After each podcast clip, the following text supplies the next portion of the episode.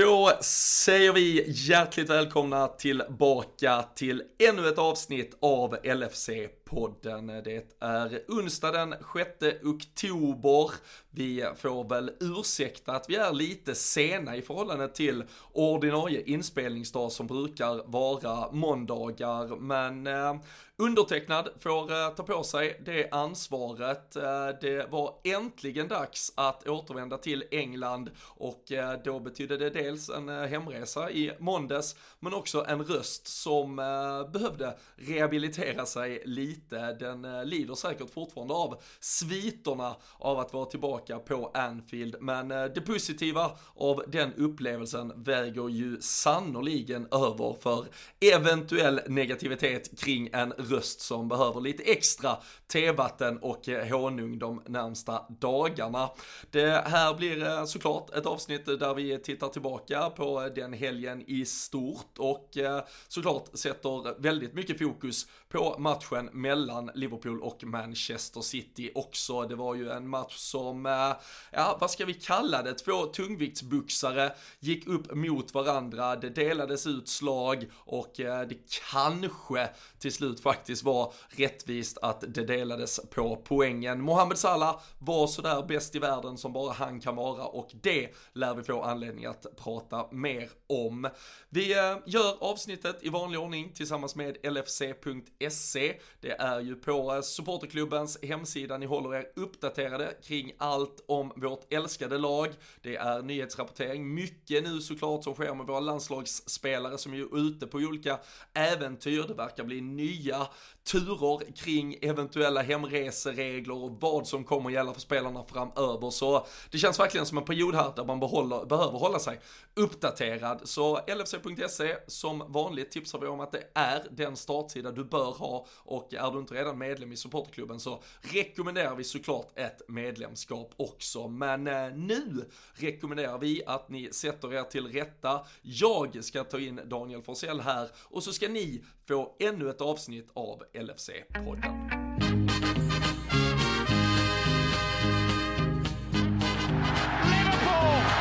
champions of Europe again. Liverpool are prize winners again. Liverpool is in the record books.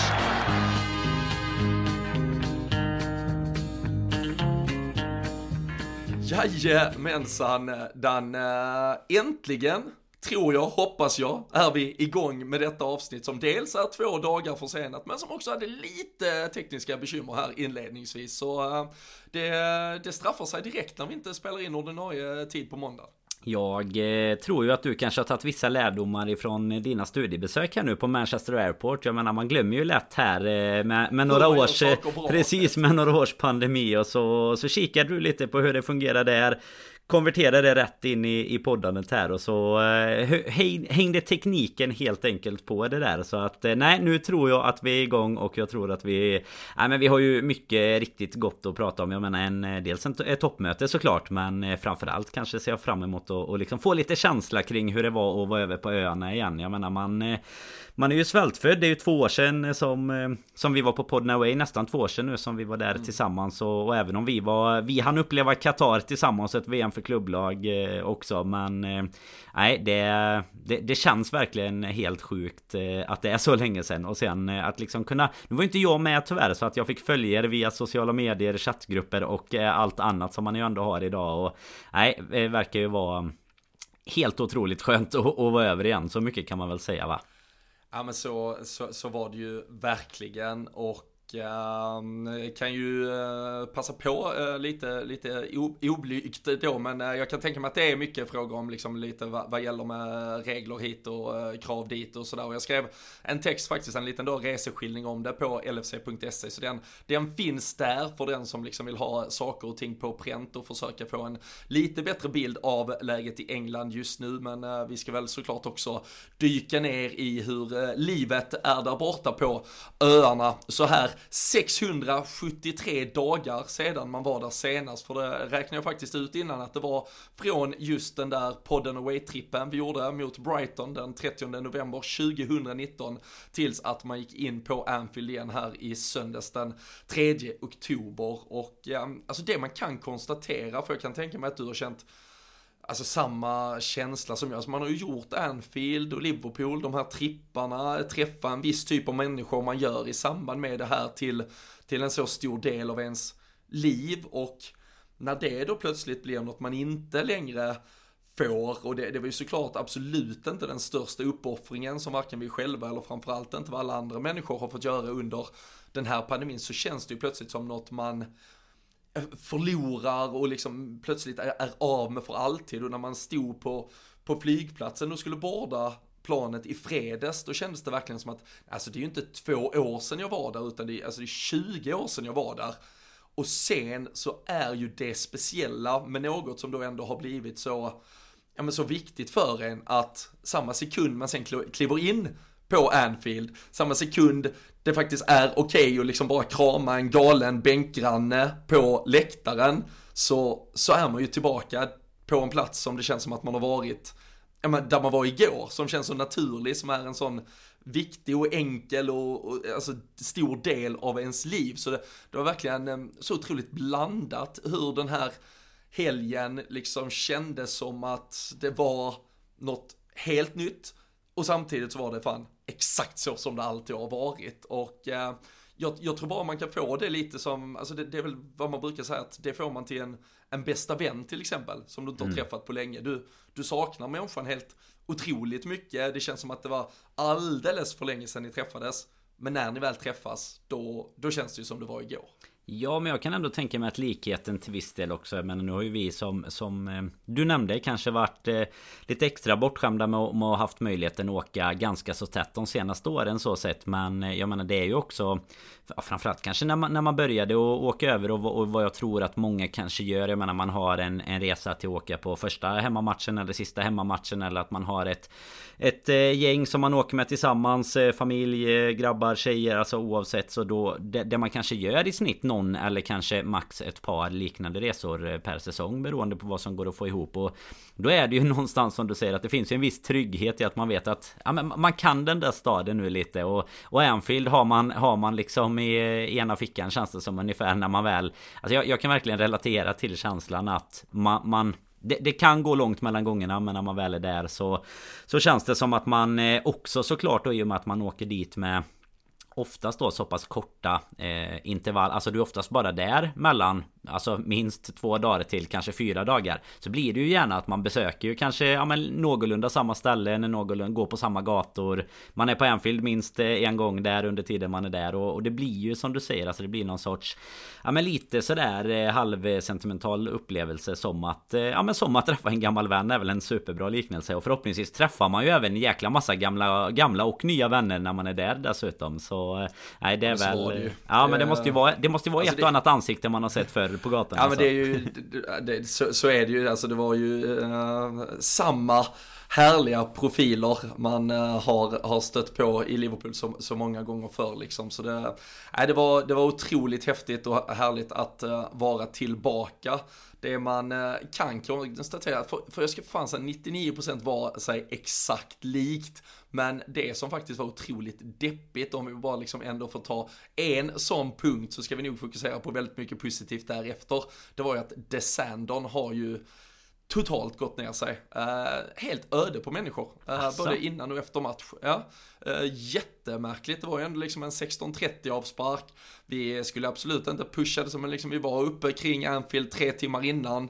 Går in på Desandon, helt tomt kunde välja vilket bord som helst. Och samma sak efter matchen, för då sa vi, som säkert många känner igen sig, liksom att det, det är ganska enkelt ställe att ses på, även när det är mycket folk, för det finns ju mycket olika rum att gå till och sådär.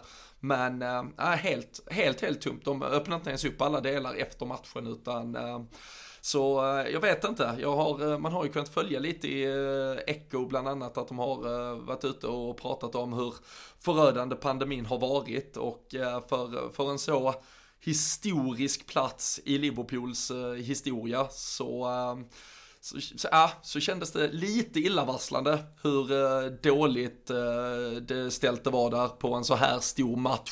När nu faktiskt dessutom, om man då, det, det brukar vara en bra blandning av både inhemska supportrar och, eh, och även då turister såklart. Men turisterna börjar ju faktiskt också komma tillbaka. Så eh, nej, äh, det, var, eh, det var faktiskt egentligen en jordskredsseger till äh, Taggis nere på Hotell 10 istället, eh, där vi eh, gick vidare sen och fullföljde uppvärmningen med eh, Jamie Webster spelandes från terrassen och en helt fullproppad beer garden. Så Ja, frågan är fan hur länge Desandon överlever. Uh, måste man nog uh, börja ställa sig frågan. Ja, men den, uh, den är ju, ja, det är lurigt ändå. Jag tänker, vad har du om, om man ska göra en liten... Nu är reporten på plats liksom. Hade ni någon känsla för om Vi har ju egentligen Sandon, vi har ju The Albert och vi har ju The Park som är de, de tre som är de här klassiska närmaste liksom riktiga brittiska pubbarna som, som ju ändå är kanske de tre vad ska vi kalla det? De populäraste framförallt kanske både med, med, turister Det finns ju mängder med pubbar såklart som Många lokala träffas på eh, Som de har gjort i, i 40 år liksom Men eh, har du någon känsla för de två andra? Om det var samma sak där och att det liksom var Ja, Beergarden på, på Tia till exempel istället som lockade eller eh... det, det, känns ju, det känns som att i alla fall turisterna har ju eh, då Taggis där mm. nere på hotell Tia eh, svept helt och hållet. Um, och med tanke på att det såklart, det är ju inte tillbaka på samma nivåer som, som tidigare med turisterna som åker över, så, så tror jag att eh, nu fångar de upp liksom alla en efter en. Och eh, den dagen det liksom bara är fritt blås med folket som åker in och ut för, eh, för matcherna så, så lär det vara eh, mer än eh, fullsatt i den lokalen eller på den uh, tomten eller då bakgården mm. som det uh, istället. Och då, då kanske det ger sig själv att det sipprar ut tillbaka på alla de andra pubbarna. Men uh, även under de omständigheterna som fanns så var det faktiskt förvånansvärt hur, hur tomt det var. Så det, det är väl egentligen den enda eh, di direkta konsekvensen man kan se av det som liksom har varit och, och såklart den påverkan på vilken typ kanske då av fotbollssupporter som, som går på matcherna nu inledningsvis i alla fall. För annars var ju det det fantastiska med, med att vara på plats igen. Det var ju att se att ja, men England och Liverpool återigen står i uh, om det nu någonsin stått i full blom så var det det.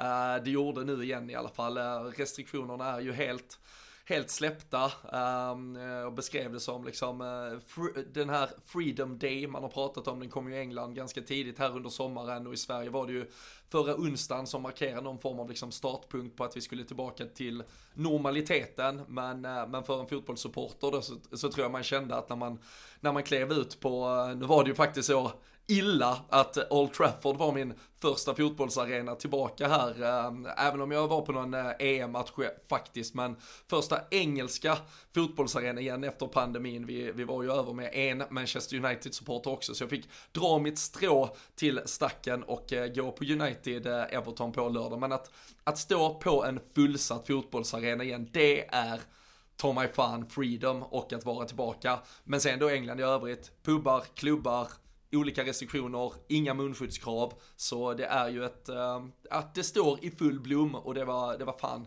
underbart att vara tillbaka och äh, supa i sig doften av äh, lite snålblåst från äh, River Mercy och äh, blandat med klorindoftande heltäckningsmattor och då vet man ju att till och med du blir sugen Danne. Ja men det får man verkligen säga. Jag känner ju klorinet i, i näsborrarna nu nästan alltså. Men... Eh, det... På tal om det, måste fan, för att om nu Sandon vill göra något för att försöka ändra på sin, äh, sin kräftgång som jag kan konstatera att de går. Vi fick, det första vi beställer, äh, poddbekanting, Karl Sundqvist, går in, tar sex stycken pints äh, på liksom fat, får dem upphällda, det smakar bara klorin Ingen av oss klarar av att dricka det. Vi går upp liksom med sex stycken öl tillbaka till baren och säger det här är odrickbart.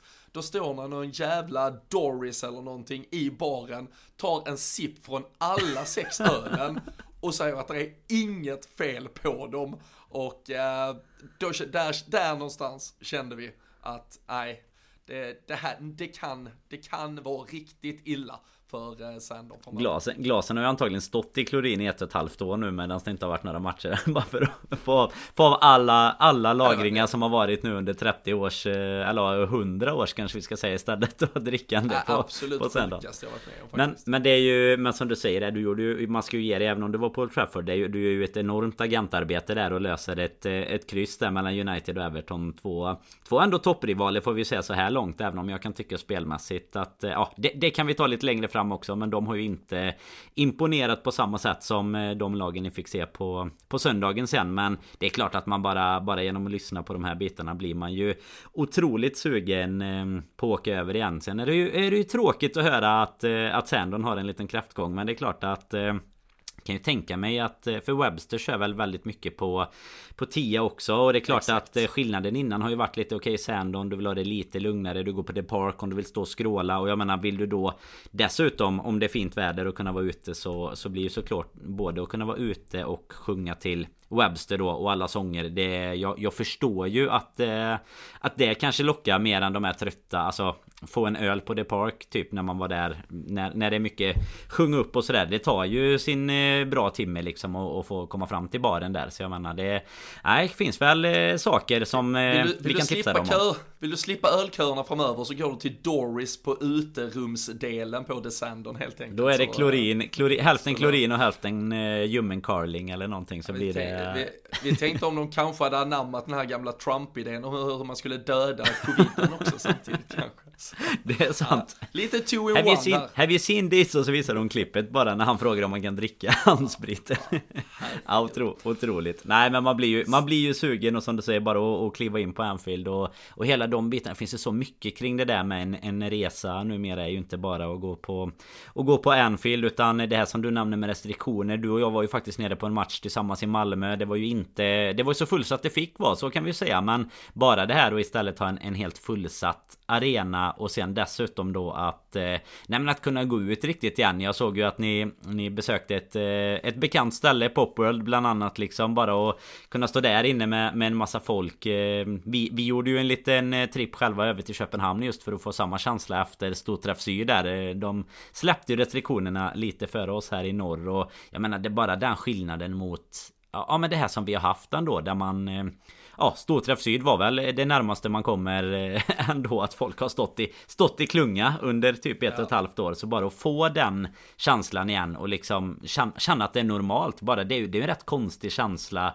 att komma tillbaks till. Jag menar det märker man ju nu typ när folk börjar så här. Alltså ska vi, ska vi skaka hand igen eller vad gäller nu liksom? Mm. Det, det är många sviter som man kommer få se vad som eh, händer med framöver. Ja och där, det, det, det, det är ju ett sidospår vad gäller vad, vad vi brukar prata om här. Men där, och där måste man ju verkligen respektera att alla alla har sina helt egna preferenser. Jag har full förståelse för de som, som inte är, än så länge kanske känner sig bekväma mm. med, med, att resa eller vill eh, göra det si eller så. Men, men alltså det, det, den finaste stunden jag någonsin känner nästan som fotbollssupporter är ju när man står på Anfield och firar ett mål med ja men alltså helt spritt alltså vitt främmande människor som du, du aldrig någonsin har träffat, du kommer aldrig träffa dem igen, du har noll aning om vad det är för människor. Och de är allt mellan 7 och 75 år i stort sett. Och ändå när Mohamed Salah dribblar förbi varenda spelare i världen, sätter ner dem på backen och skjuter in 2-1 i 70 femte minuten eller vad det är, mm. så, så vet du att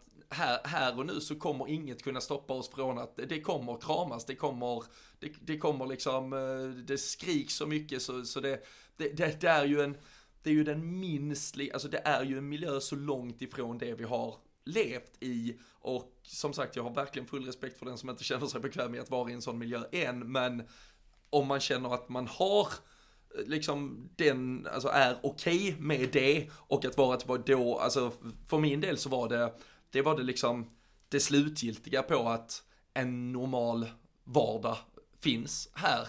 Sen vad som kommer hända framåt och, och hur allt kommer se ut, det, det, kan vi ju bara liksom, det får väl tiden utvisa. Men att få stå mitt i det igen, det kan jag bara konstatera från ett personligt plan i alla fall var helt otroligt fantastiskt. Så ehm, nej, ehm, vill man själv åka över, det är säkert många som vill det, vill man veta lite mer om hur det verkar se ut och sen ska man ju verkligen brasklappa för att eh, det är ju något man själv måste ha koll på eh, egentligen hela tiden fram till en eventuell avresa just nu, för det, det kan ju hända vad som helst och det kan ju ändras, men utifrån det läge som råder just nu så äh, satte jag som sagt ihop det lite i textform på lfc.se, så då, då finns det där i alla fall. Men äh, tänkte bara den med tanke på att du nämnde äh, Old Trafford och United, Everton-matcherna, så såg du den äh, hemma? Ja, jajamensan.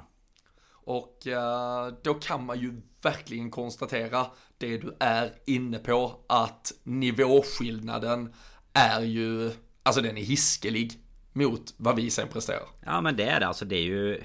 Nu, nu, tycker jag att det har varit så om man ska gå in på, på just dem separat så har ju Everton har ju gått lite under radarn med Rafa tycker jag. Det har inte känts som att de har kommit upp på riktigt samma poäng men de har ändå tagit sina poäng. United alltså har ju inte imponerat. Har ju haft eh, Ja nu sist då i och för sig så var det ju, var det ju en, eller näst sist då när vi var nere på Storträff Syd Då var det ju faktiskt en straffmiss precis i slutet Men sen har de ju istället haft flera matcher där de har avgjort precis i slutet och haft, eh, ja men haft lite mer flyt med sig om man säger så. Här har de ju det inte. Jag tycker att Everton, alltså Ärligt talat så, så tycker jag nog att Everton ska vara mest missnöjda med, och, med ett kryss. Sen är det klart att man alltid... Det, det finns ju fortfarande i en, vi har nämnt den här Premier League-serie, dokumentären som finns på SVT Play. kommer ju ett fjärde avsnitt här i helgen. Det är mycket United-fokus. Man har ju sett vad, hur stora de har varit en gång i tiden. Så ett kryss på Trafford är väl alltid ett kryss där. Men jag menar, alltså Tom Davis, ja, passar inte i offside-stående läge alltså, i slutet.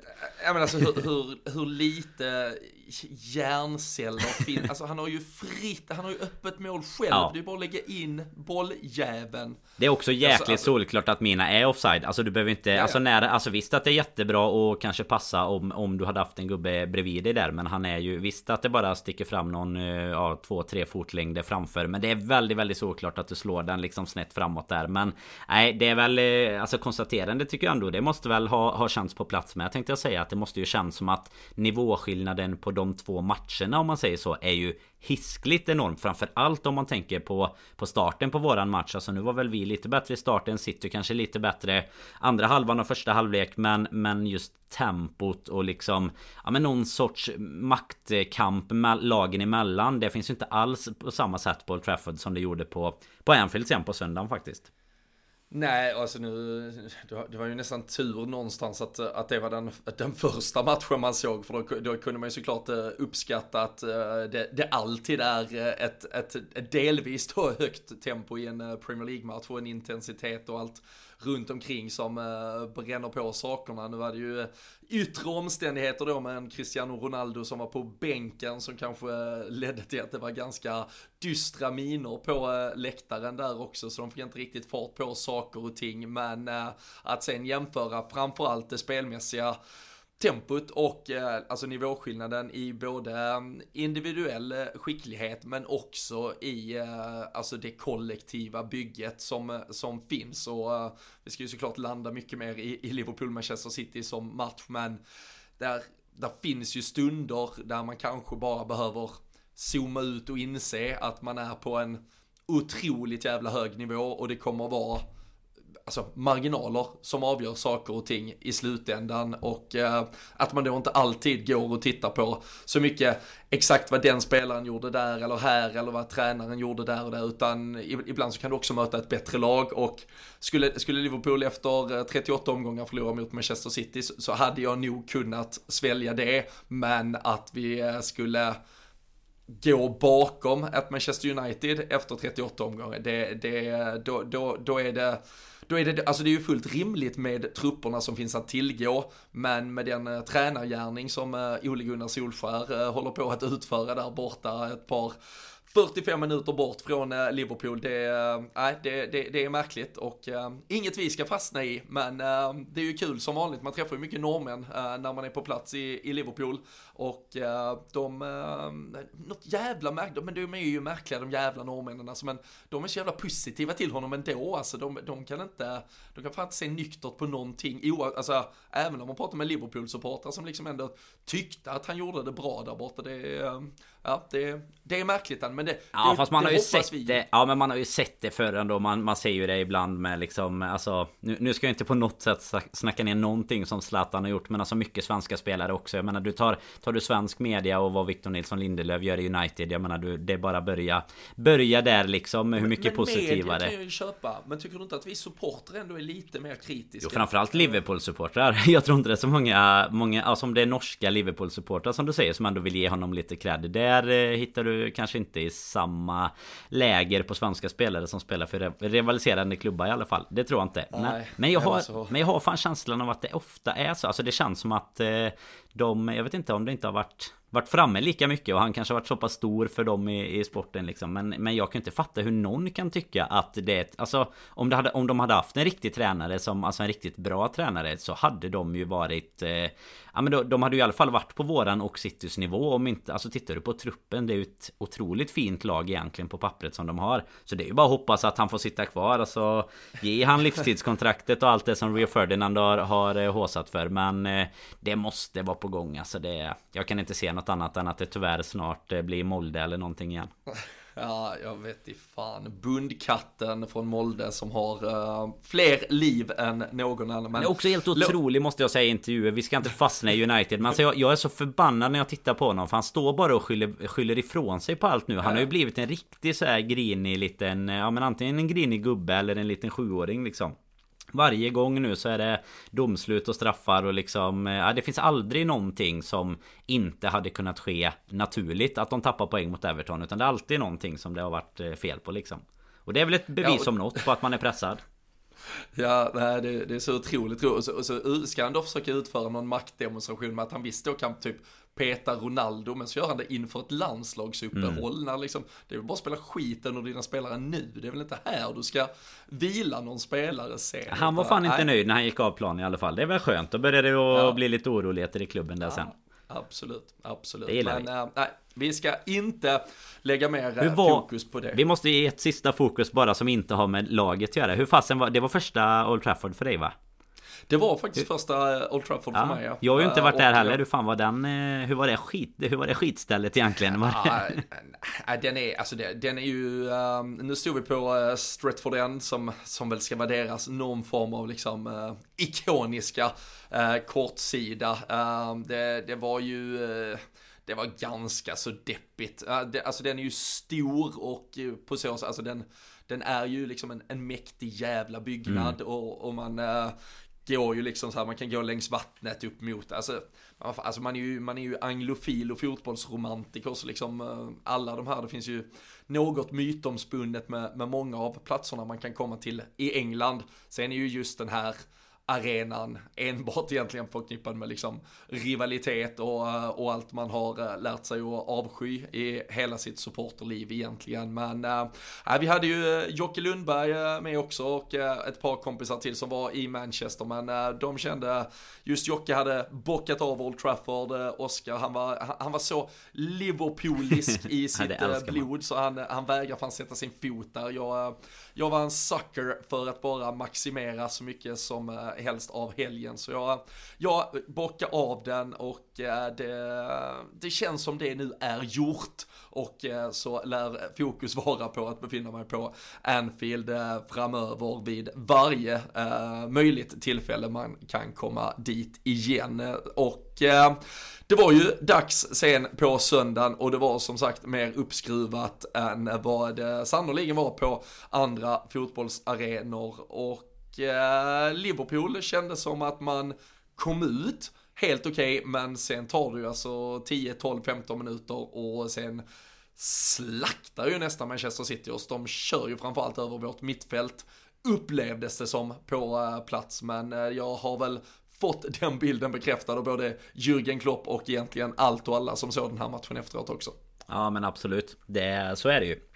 Tycker att det är, jag kommer inte ihåg riktigt nu om det är första 10 eller 15 eller någonting som det ändå ser Ja men ser positivt ut och det blir, det blir inga direkta lägen utan det är ju verkligen en så här maktkamp mellan två lag som Sätter oerhört hög press, har högt tempo men City är ju som du säger där alltså i i, i det läget som kommer efter kanske en, en kvart 20 minuter så är de ju ja, men väldigt mycket bättre. Och som, som du nämner så säger ju Klopp det efter matchen att det är tur att en eh, fotbollsmatch har två halvlekar. För eh, såg man inte första och eller tvärtom då så, så liksom måste man undra att vad, vad fan var det där? Och sen när man tittar på Liverpool i andra hur de eh, ändå kan ställa om. Och det, det är väl en cred som man såklart ska, ska ge till. Alltså vi, vi kan ju ofta vara ganska snabba och tycker jag med, med oftast med man ska ju alltid ge, ge sig själv rätt rätt. Så att med, med rätta vill jag säga att Klopp i, i många matcher kanske inte riktigt vågar ändra på något eller lyckas ändra på något och, och sådär. Men här känns det ju ändå som att de har någon sorts eh, Ja men genomgång i halvtid där de i alla fall lyckas få lite rätsida på På saker igen för andra halvlek ser ju Ja men genast mycket mycket bättre ut och ja, Jag vet inte alltså det är ju Sen är det ju lite individuell briljans och sådär som gör det men alltså framför allt har väl en, en kille som James Milner har ju det Extremt tufft i eh, i första halvlek och det måste man väl även ha känt på, på plats. För jag menar allt kom ju från deras vänsterkant egentligen. Ja, ja men det var ju mycket, det känd, alltså deras spel tog ju, tog ju fart mot James Milner om man säger så, men det kändes hela tiden som att det var mittfältet som, som släppte den ytan mm. och möjliggjorde för City att komma där. Um, så vi nu, nu framförallt Matip var ju, tyck, fick jag en känsla av, han, han upplevdes ju som fenomenal i första mm. halvlek, för han var ju den som ofta fick rädda saker uh, och ting. Och uh, vi hade ju liksom, ja, City anföll mot oss. Uh, vi sätter ju på um, Anfield Road End uh, denna gången, det vill säga mitt emot i Kopp. Och där sa vi faktiskt lite sidospår, men vi sa innan matchen att nu kommer fan, nu kommer Pep försöka vara så smart. Vi brukar alltid få anfalla mot Alltså om vi själv bestämmer så anfaller vi alltid mot det kopp i andra halvlek. Det är liksom historiskt mm. och det är så det alltid brukar vara. Men så sa vi, vinner City den här jävla slantsinglingen 100% att eh, de har liksom, Pep skickat ut att nu ska vi, nu ska vi försöka psyka dem det lilla vi kan här och vända på det. Så vinner ju City slantsinglingen och det blir tvärtom och det betyder att vi får båda Liverpools mål i andra halvlek och liksom attacken från Liverpool i andra halvlek mot oss istället. Så det, det var ju ett, eh, ett litet plus också i eh, det stora sammanhanget. Men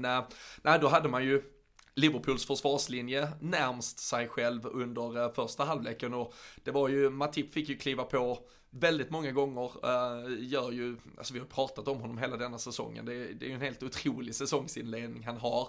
Och uh, där var ändå upplevelsen att, att liksom Milner, han får ju, han får ju reparera mycket. Uh, sen tyckte jag det var svårt att liksom lägga egentligen skulden på, på honom, utan uh, framförallt så känns det ju som att både Jordan Henderson och Curtis Jones kom så otroligt fel in i matchen.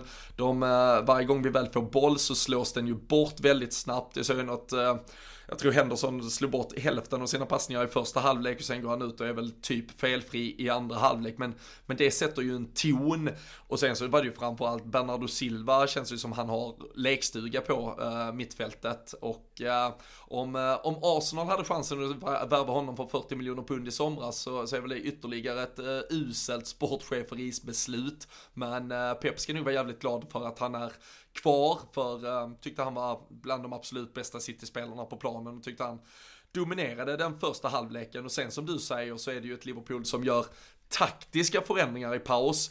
För jag var ju, jag var ganska överraskad över att eh, Curtis Jones ens kommer ut till andra halvlek. Det känns som att det behövdes göra ett, alltså byte på en spelare för att få liv i detta. Men eh, det är väl också någon form av eh, taktisk briljans att kunna förändra även med ett spelarmaterial som då känns som att de individuellt har blivit fullständigt utmanövrerade under de första 45. Ja men verkligen och det är ju alltså både psykiskt egentligen att ta sig in i matchen igen För det kanske är det största problemet oftast. Jag kan ju hålla med alltså För, för det som det, det, är ju den stora skillnaden kan jag tycka när man är på plats och när man ser det på På TV hemma liksom att när man ser det så här eh, framför sig För man vet ju egentligen att Milner hamnar i de problemen han gör För att han inte blir uppbackad av framförallt mittfältet då såklart. Och sen som du säger det är otroligt från båda hållen Hur mycket felpassningar det är första typ 10-15 Även från City egentligen när det är i uppspelsfasen då.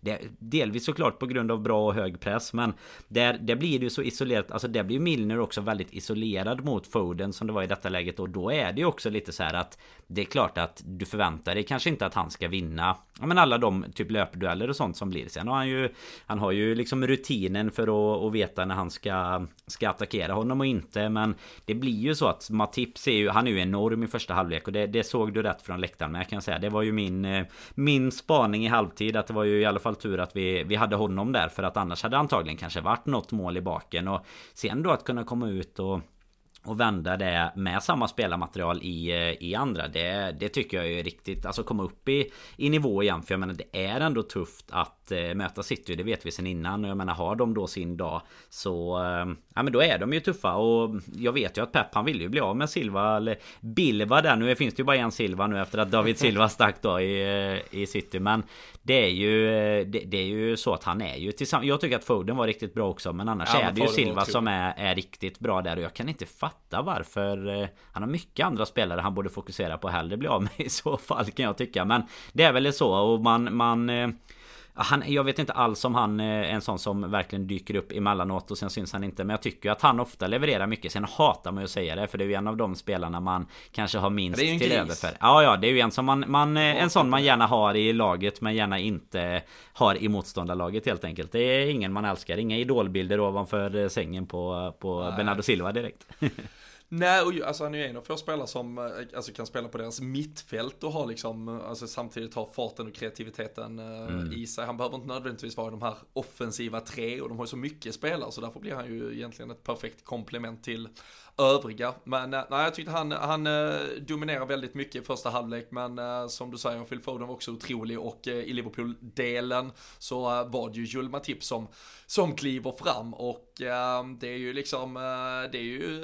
svårt, om ens möjligt, att debattera eller diskutera att någon i försvarslinjen, i det utpräglade defensiva i alla fall, har varit bättre än honom. Det är mm. ju faktiskt så att man bör kröna honom till mittbackskungen även bredvid Virgil van Dijk efter eh, de här inledande omgångarna. Ja men det är han solklart tycker jag i första Alltså första Sju som har varit här och så plus eh, Plus resterande så då är han ju Ja men alltså bäst av dem där bak egentligen Sen eh, Ja, som, som vi har varit inne på innan, han har sin skadehistorik. Bara hoppas att han får spela ihop med van Dijk nu. För får de två spela ihop eh, över de flesta matcherna på säsongen. Om man nu kan varva lite i Champions League och sånt. Så, så har vi ju något eh, enormt bra att bygga på där. Och det har ju bara visat sig återigen nu hur extremt viktigt det är. Nu blev det en liten plump där med, med Brentford då med tre insläppta. Här kan jag ändå köpa mer att man släpper in två. Men eh, annars så, så är det ju ett helt annat typ av spel. Jag menar det är inte bara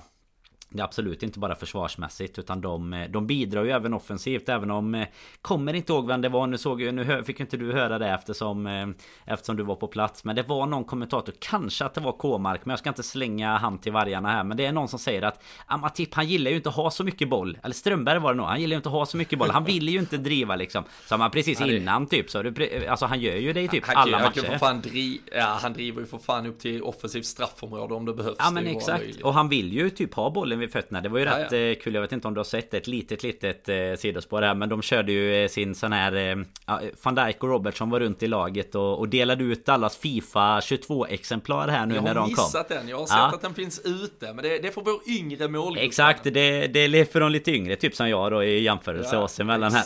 Men då är de ju Då säger ju van Dijk det typ att Vad fan Matip du har typ Jag kommer inte ihåg vad Men säger så här Du har 53 i dribbling Vad fan har de gjort? Du ska ha 95 liksom. Och jag menar det Och så, och så sitter liksom Ström, alltså det visar ju någonting om att när du sitter och kommenterar, visst de har, de har extremt bra koll på fotboll och sådär, men vilken annan syn man verkligen får på spelarna när man följer ett lag kontra när du då kommenterar någon match kanske ja, då och då om man säger så. För att jag menar, han, han liksom sitter ju och kritiserar att ja, det syns att Pep har satt eh, täckningen på van Dijk för att Matip ska tvingas ha bollen vid fötterna medan liksom Liverpool egentligen gav ju bara bollen till Matip och, och låt killen sätta igång spelet ungefär. Så jag menar, det är offensiva kvaliteter på båda de två. Både såklart eh, huvudspelet på hörnor men även i, i uppspelsfasen. Om man jämför såklart med hur det, hur det såg ut förra säsongen då när de saknades. Mm. Om, eh, om vi bara ska säga det, det blir ju såklart en helt annan eh, matchbild i, i andra halvlek och vi gör ju saker och ting väldigt mycket bättre.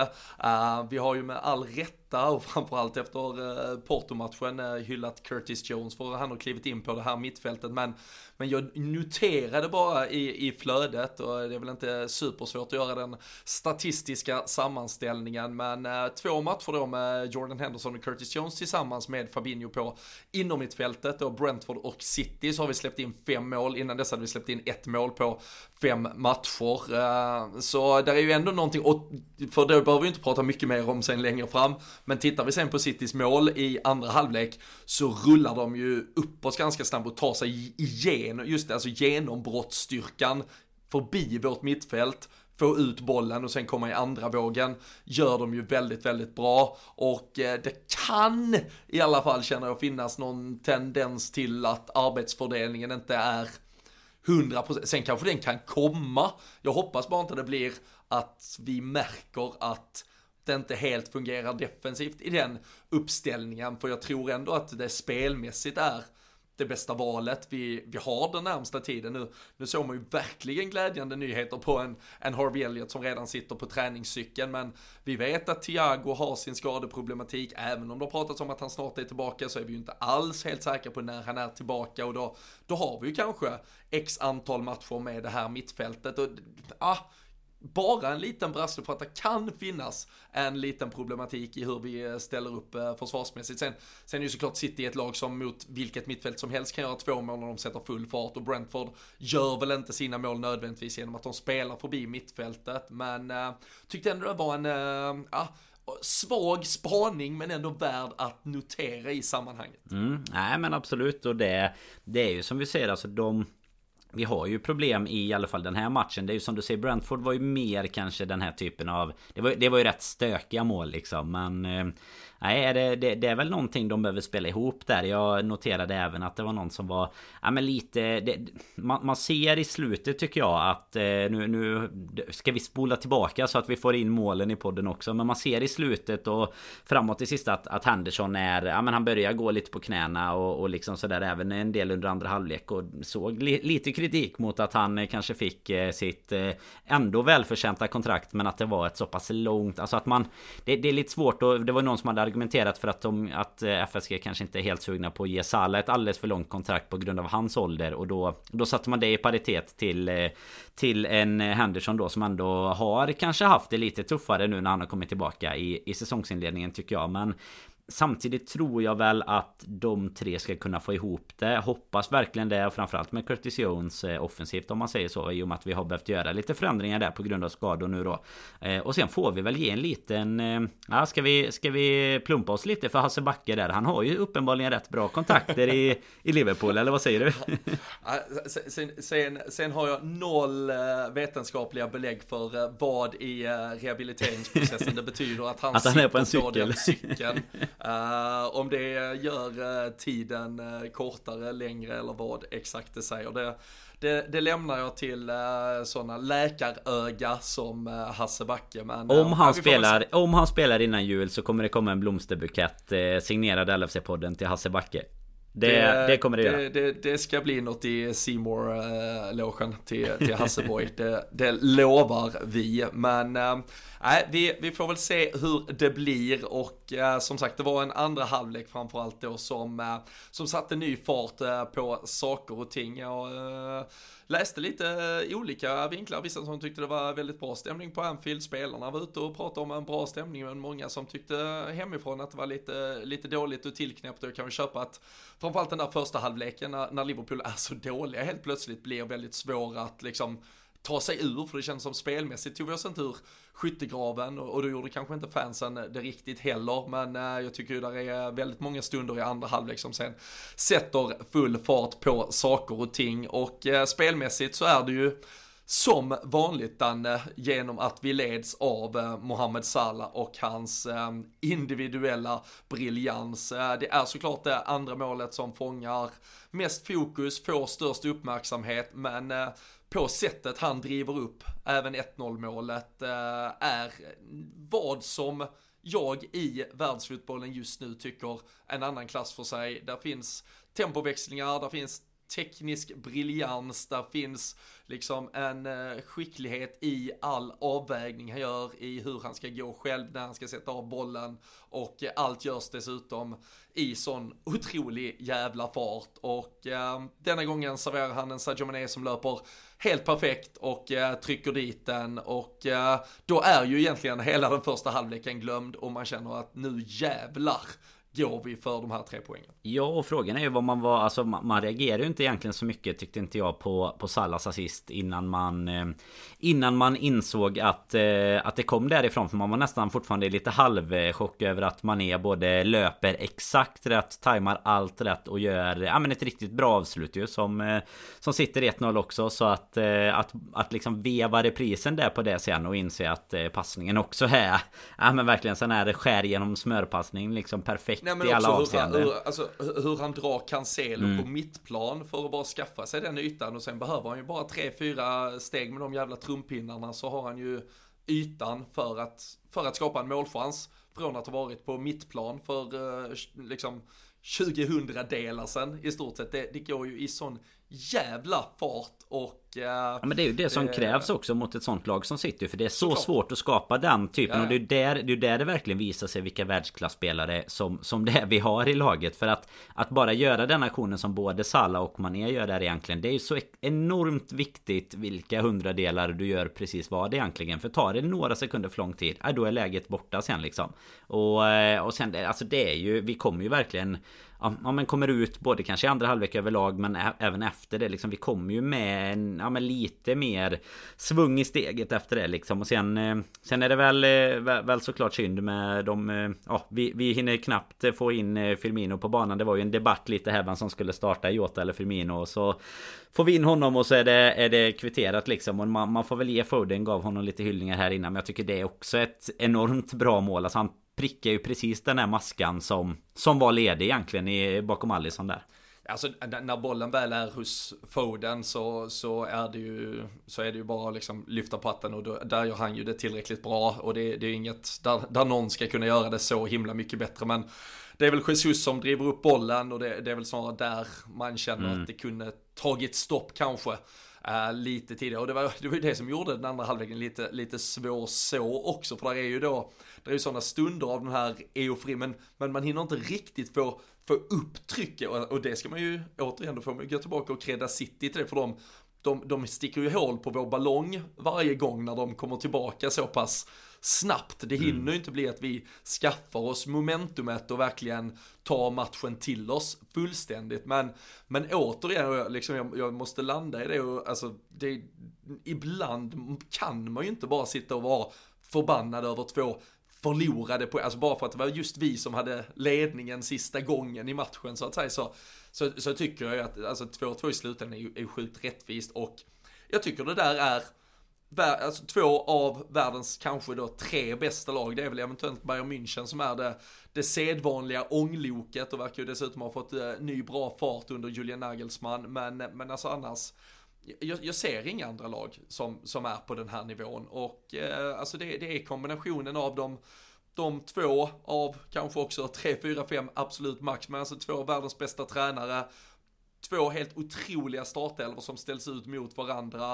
Uh, nu vet vi att det finns en annan bredd, ett djup i Manchester City, men annars på de två, tre byten som görs så, så, så upprätthålls en sån otrolig jävla kvalitet i båda lagen och uh, individuell briljans i några av då världens absolut bästa spelare och uh, ja, kanske i den allra bästa av dem alla just nu den eh, i eh, Mohamed Salah. Ja men så är det ju. Jag menar innan Innan man går in på det, det sjukt magiska han gör så måste jag bara instämma lite och, och fylla på i det du säger kring eh, Ja men, ja, men kring egentligen vad som kommer ifrån eh, båda lagen och den kvaliteten egentligen som, eh, som besitts på plan. För jag menar det är ju så enormt mycket individuell kvalitet i matchen egentligen tycker jag. Och lite det som du säger också vad, vad gäller huruvida ett resultat mot City 2-2 är, är bra eller dåligt. Så jag tror det finns så mycket psykologiskt i en som bara för att vi hade ledningen två gånger så känner man lite som du säger att ja men det, det kanske är två tappade poäng. Men i ärlighetens namn skulle jag behöva Skulle jag behöva slänga ut några procent vilka som egentligen förtjänar Förtjänar seger stegen skulle jag nog nästan ge 60-40 till eh, till City faktiskt. För jag tycker att de gör en enormt bra match borta på Anfield. Vi har stunder när vi inte riktigt kommer upp i det. Men det, problemet där blir ju sådär att jag tror att Klopp kommer ut ganska nöjd. För just den anledningen egentligen. Att vi hade perioder där det hade kunnat straffats mer egentligen. Medan Pep också kanske kommer därifrån och är, och är relativt nöjd. För de har ändå hämtat upp två stycken underlägen på Anfield. Lite som vi pratade om Old Trafford innan. Det är ju, det är ju samma sak med Anfield egentligen. Komma dit och ta ett poäng för, för en toppkonkurrent är ju stort. Men, men jag menar, och då, då kommer man ju till en sån grej som, som Salah gör där när han gör 2-1. Jag menar, om, om det nu var enorm skicklighet i assisten och även Manés avslut så, såklart riktigt bra så är ju det här Ja men alltså det här målet kommer ju vevas eh, det kommer vevas och vevas och vevas och eh, kommer ha många klick på Youtube. Mycket bra annonsintäkter in till eh, de som, ja. de som slänger upp det där. Men alltså vilket enormt mål det där är. Alltså det är helt sjukt. Jag tror Jag visste ju att ni var på plats. Jag visste ju att ni aldrig kommer svara på någonting där. Men var ändå bara tvungen att skriva i våran I våran poddgrupp sen bara att han är Han är så jäkla sjuk. Och alltså det är klart att man drar ju paralleller bak till eh, Målet han gör när det tyvärr också blir 2-2 sen ju mot Spurs eh, För Exakt. ett par år sedan när han också har en liten solo där och drar upp den i taket Men alltså här, här är man ju... Det, det här görs med ännu mer för det är ja. ju mer, det är ju mer en tilltrasslad situation så där han är så otroligt flinka fötter och bara lyckas behålla kontroll. Här är det ju här är det ju mer en avighet, att han liksom visar, jag ska i den ytan, jag går i nästa. Alltså studsen han drar när liksom tre spelare försvinner.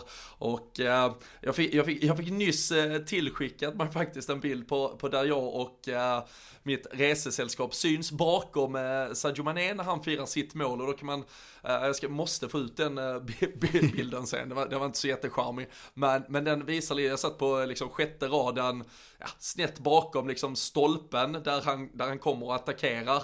Eh, alltså på den sidan där han, eh, ja, vi, så vi hade ju Salah framför oss hela tiden i, i andra halvlek och Alltså, vi, alltså vi, vi stod liksom paralyserade. När, alltså, det var som, alltså det gick ju så snabbt och det var ändå som att tiden stod stilla de 5-6 sekunderna det tar för att han ska göra allt det han gör och man hinner tänka, ja men nu, nu där blir han väl av med den eller där, men nu, nu går det ju inte, alltså det här, det, det, och, så, och så bara fortsätter det och fortsätter det och fortsätter det.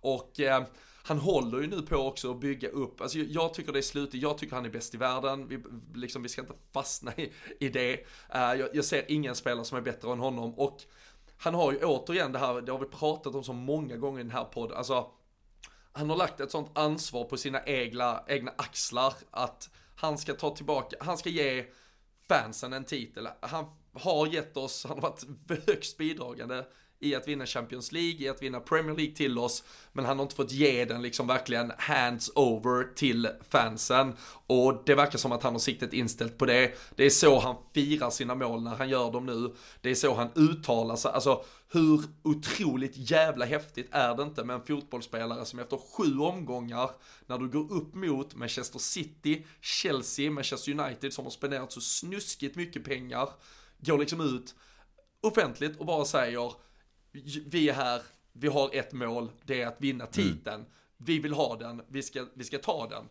Alltså det, det, är så, det är så jävla stort och så jävla mäktigt så, äh, alltså han, äh, alltså hans legacy just nu, äh, redan här och nu, så, så är han uppe bland de absolut största som det kommer att pratas om och sjungas om på Anfield i eh, all jävla evighet. Det finns ju några, några så här riktigt fina eh, Ja men du vet när, när Ronaldo kom tillbaka nu bland annat Så kommer det upp sådana här Ja men fram till Salah kom till Premier League så var det så här liksom 10-15 olika stats med så här Vem har gjort flest mål? Vem gör oftast mål per minut och sådär och, så, det, och så är det massa olika spelare Ronaldo ganska många säkert någon Någon Drogba eller någonting Sen är ju bara alla totalt slaktade av Mohamed Salah liksom Det är så här, han, har, han har typ alla så bra rekord man, eh, ja men som man kan ha liksom. Och det, det är ju så det, det är så sjukt, alltså dels då målet är ju Det, det syns ju så enormt alltså mycket Mycket skicklighet det är i det Men även det som du säger när, när de går ut efteråt och bara så här Ja men vi, nu, nu går vi för titeln, vi har vad som krävs liksom.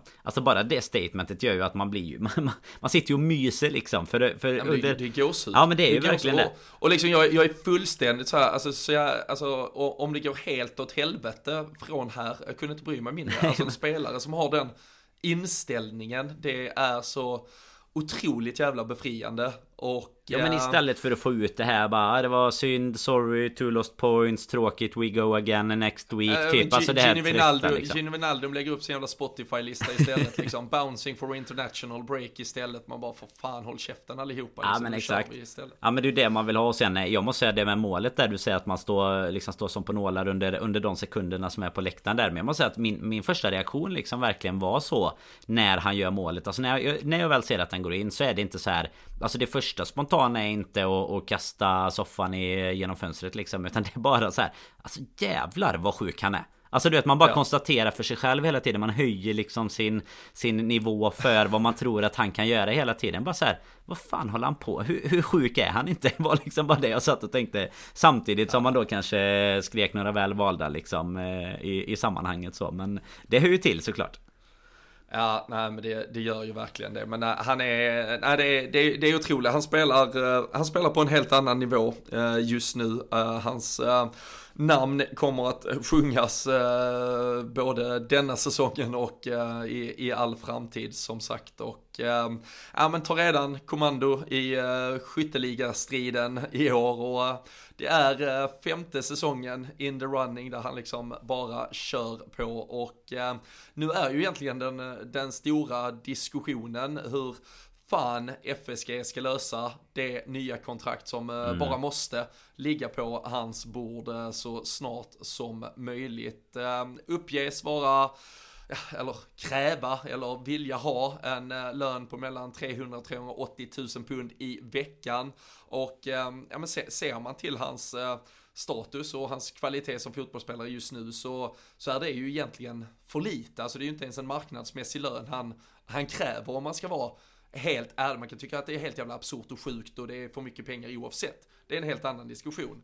Men tittar man på vad otroligt mycket sämre fotbollsspelare tjänar i mycket, mycket sämre lag som kommer att ha väldigt, väldigt svårt att konkurrera med Liverpool och framförallt ett Liverpool som har Mohamed Salah i laget så, så är det ju minst det han ska ha. Och eh, jag känner ju bara, alltså om, om det var en diskussion förr, om det var det för en månad sedan eller ett halvår sedan eller ett år sedan att vi inte kunde ha någon spelare som stod över truppen i övrigt eller någonting så så tycker jag att han vecka på vecka nu visar att jo, för vi har en sån spelare nu. Vi har en spelare som inte ska vara en strukturspelare.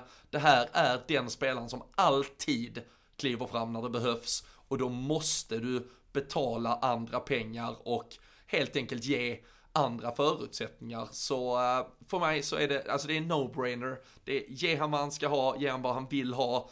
Får jag ett kontrakt på fem år till med honom så jag kommer vara den lyckligaste i hela världen. Eh, vi fans som äntligen får vara tillbaka på Anfield kommer att vara det. Våra möjligheter att vinna titlar kommer att öka så otroligt mycket mer eh, med han i ett lag än utan honom. Så eh, jag, jag, jag hoppas verkligen denna här att vi inte går bort oss på grund av en snål lönestruktur för då, då skjuter vi oss själva i foten. Ja men verkligen, det är bara att instämma där. För grejen är ju också att det har ju så... Alltså så som, som vårat system har fungerat och så som det har sett ut under eh, många av de tidigare åren så... Det har det verkligen varit liksom man har pratat om, om fronttrion på ett... Eh, ja men om, som en enhet egentligen och att det är de som har funkat så bra ihop. Men vi har pratat om det delvis givetvis här under förra säsongen och eh, den här säsongen också. Men känner även att pendeln överlag nu börjar svänga eh, överallt egentligen. Att det är ju inte egentligen en fronttrio att prata om. Nu är det ju dessutom Jota har kommit in och, och spräckt den till viss del. Men jag menar det är ju Salah på en nivå. Och sen är det de, de andra lite där bakom liksom. Eh, där, där det liksom blir så att han drar ju fortfarande det stora lasset. Kollar du det tillbaka på liksom, ja men mål som, som har gjorts sedan han kom och mål plus assist och sådär. Ja men då är det ju, spelar han ju en egen liga även om du inte, alltså även om du inkluderar andra lag om man säger så, inte bara i Liverpool egentligen. Så det är, eh, nej men helt rätt, upp med, upp med cashen helt enkelt. Det, det kan vi skicka till eh, John Henry där, där han sitter och myser med säkert med en liten cigarr och undrar eh, vad de röker någon annanstans istället. Det, nu är det vi som snart får fråga vad de röker om de inte slänger upp ett kontrakt här. Ja, men verkligen. Det, det, det är bara att uh, betala. Och, och, och, som du säger där, det, var, alltså, det, är, det är ju så talande siffror så det, man, man, man orkar inte ens titta på dem uh, längre. Alltså, det, liksom, vi, vi, behör, vi behöver inte sprida mer uh, statistiskt säkerställt underlag för att han är bäst. Utan Nej, men det som gör mest ont är ju att de inte får det hos motståndarfansen tycker jag. Alltså han har ju inte den, alltså hos Liverpool-fansen, alltså absolut inte kanske fått den respekt han alltid förtjänar om man säger så. Nej, vi kan väl vi kan diskutera kort den, eh, det var ju en väldigt uppmärksammad text uh, i The Telegraph, uh, tror jag väl det var, uh, här i helgen.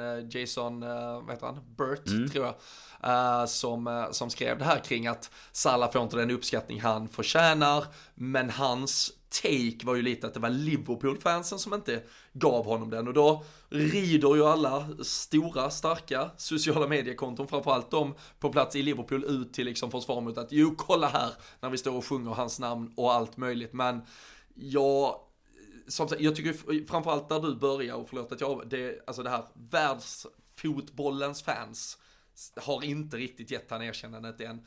Men där ligger fan något i att inte, för det har vi, vi har fan haft den debatten här mot mot drev på sociala medier ibland som inte har sett Mohamed Salahs storhet. Ja men även ibland kanske mot, eh, alltså internt tänkte jag säga nästan med både Både varandra och lyssnare och, och, det måste jag ju ändå ge dig att du har ju ändå ridit på den Ja men alltså Salah, Salah vågen väldigt väldigt länge och det har ju inte varit Alltså det räcker ju att du är på en stor träff eller du, du liksom sitter med lite andra Liverpool-fans. Det har ju alltid funnits Ja men vissa motsättningar, jag menar det är ju inte För, för världsfotbollen om man går till det, där är det ju så här Ja Messi, Ronaldo, Lewandowski och, och allt vilka det är liksom. Men, men tittar du på statistik statistiken, alltså det finns ju som du sa innan Det finns ju inget, inget bättre underlag att presentera än att han är helt jäkla otrolig. Men det har väl, och, och då tycker jag ändå att det i Liverpool-leden Det har ju till viss del som de då är inne på försöker försvara sina egna namn och konton där. Det är klart att han har fått hyllningar genom åren Men jag tycker att han har fått det så sporadiskt. Alltså han har inte fått den här He, alltså det, det, typ som Suarez hade Det var liksom bara Det här är Suarez. Han, han är bäst hela tiden Han är här liksom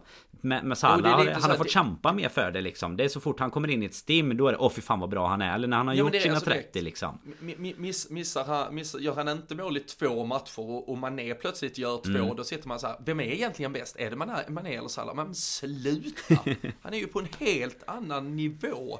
Alltså han, han är ju den som kliver fram varje gång vi behöver det. Sen är det helt otroligt att vi under 98% av den här tiden har haft en Sadio Mané också. Mm. Som har varit på den jävla nivån han har varit och liksom det är, ju, det är ju bara att konstatera att han, även om formmässigt och spelmässigt så tycker jag fortfarande det saknas nivåer i han just nu kontra vad jag vet att hans högsta nivå i alla fall tidigare har varit. Men han levererar ju uppenbarligen slutprodukten ändå eh, på ett eh, absolut liksom tillräckligt vis. Men, men det Mohamed Salah håller på och sysslar med där ute på den jävla gräsmattan just nu, det, det, det är på en helt annan nivå och eh, jag hoppas att vi får sista gången eh, liksom eh, absolut vi brukar inte diskutera det längre i denna podden men att behöva konstatera det, eh, vilken otroligt stor fotbollsspelare han, han är och eh, hur högt han kommer att hållas historiskt eh, när hans eh, tid i Liverpool summeras. Men vi hoppas framförallt att det där kontraktet löser sig, att det blir väldigt långlivat på Anfield och att vi får väldigt många fler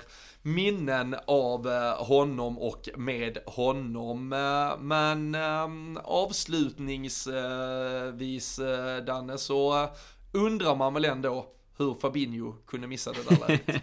ja, det får man ju Det får man verkligen göra. Jag tycker ju det är första Alltså både kvitteringen också. Det är ju lite så här till, tilltrasslad situation. Men sen Men Fabinho, jag vet inte hur, det, hur, hur man upplever det på plats. Alltså man ser ju Det, det är ju helt fel spelare såklart som får eh, Som får läget. Eh, det, det är ju en kille som gärna så, såklart tar emot en boll eh, så. Men Nej, jag vet inte. Lite snabbare tankeverksamhet kan man hoppas på i det läget alltså. Eh, även om de här stillbilderna som florerar, de, de, berättar, ju inte, helt de berättar ju inte hela sanningen, så är det ju. Men... Nej, det var väl det var väl du som sa det i podden för någon vecka sedan kring Jota Smith den här liksom, uh, how am I gonna tell my children Ja exakt. I, alltså det, den kan den, du ligga här på stillbilden med. när, när den landar liksom på hans vänsterfot, för, alltså såklart, hade han kunnat stöta den på volley med vänsterfot, ja. hade den landat på en vänsterfotad spelare som hade bara stött den direkt, då, då är det ju med. Sen, sen kan man väl tycka att Fabinho skulle, men, men kombinationen av att vara ett uh, defensivt uh, mittfältsrivjärn och uh, högerfotad kanske inte gjorde att Lite chocken var... också. Alltså kanske chocken ja, av att exakt. få bollen. Det, det, för jag menar det är ju inte solklart att den ska hamna där den gör. Utan det går nej. ju fort liksom. Så det är klart att... Jag kan, jag kan ändå ta honom i, i försvar. Men eh, det är klart att... Eh, jag hade inte klagat om det hade suttit en 3-2. Det, det hade jag inte gjort. Nej. Kompenseras kanske för att eh, James Milner var kvar på planen i ja, det... den, kan vi, den kan vi bläddra förbi med. Där är vi i alla fall överens. För det är inte alltid vi är överens om domsluten och något rött kort ja, i EM som vi fick debattera. Men här kan vi... Du håller på att lära dig. Här kan, vi se, här kan vi säga att det är rött i alla fall. Ja. Snart, eh, snart kan du lika eh, mycket, höll jag på att säga, som, som domarna i England. Men där, där är du förbi redan. Det, det ska jag faktiskt Tänkte det. Nu kände jag nästan att det var ett litet hån på gång där. Men nej, du räddade snyggt.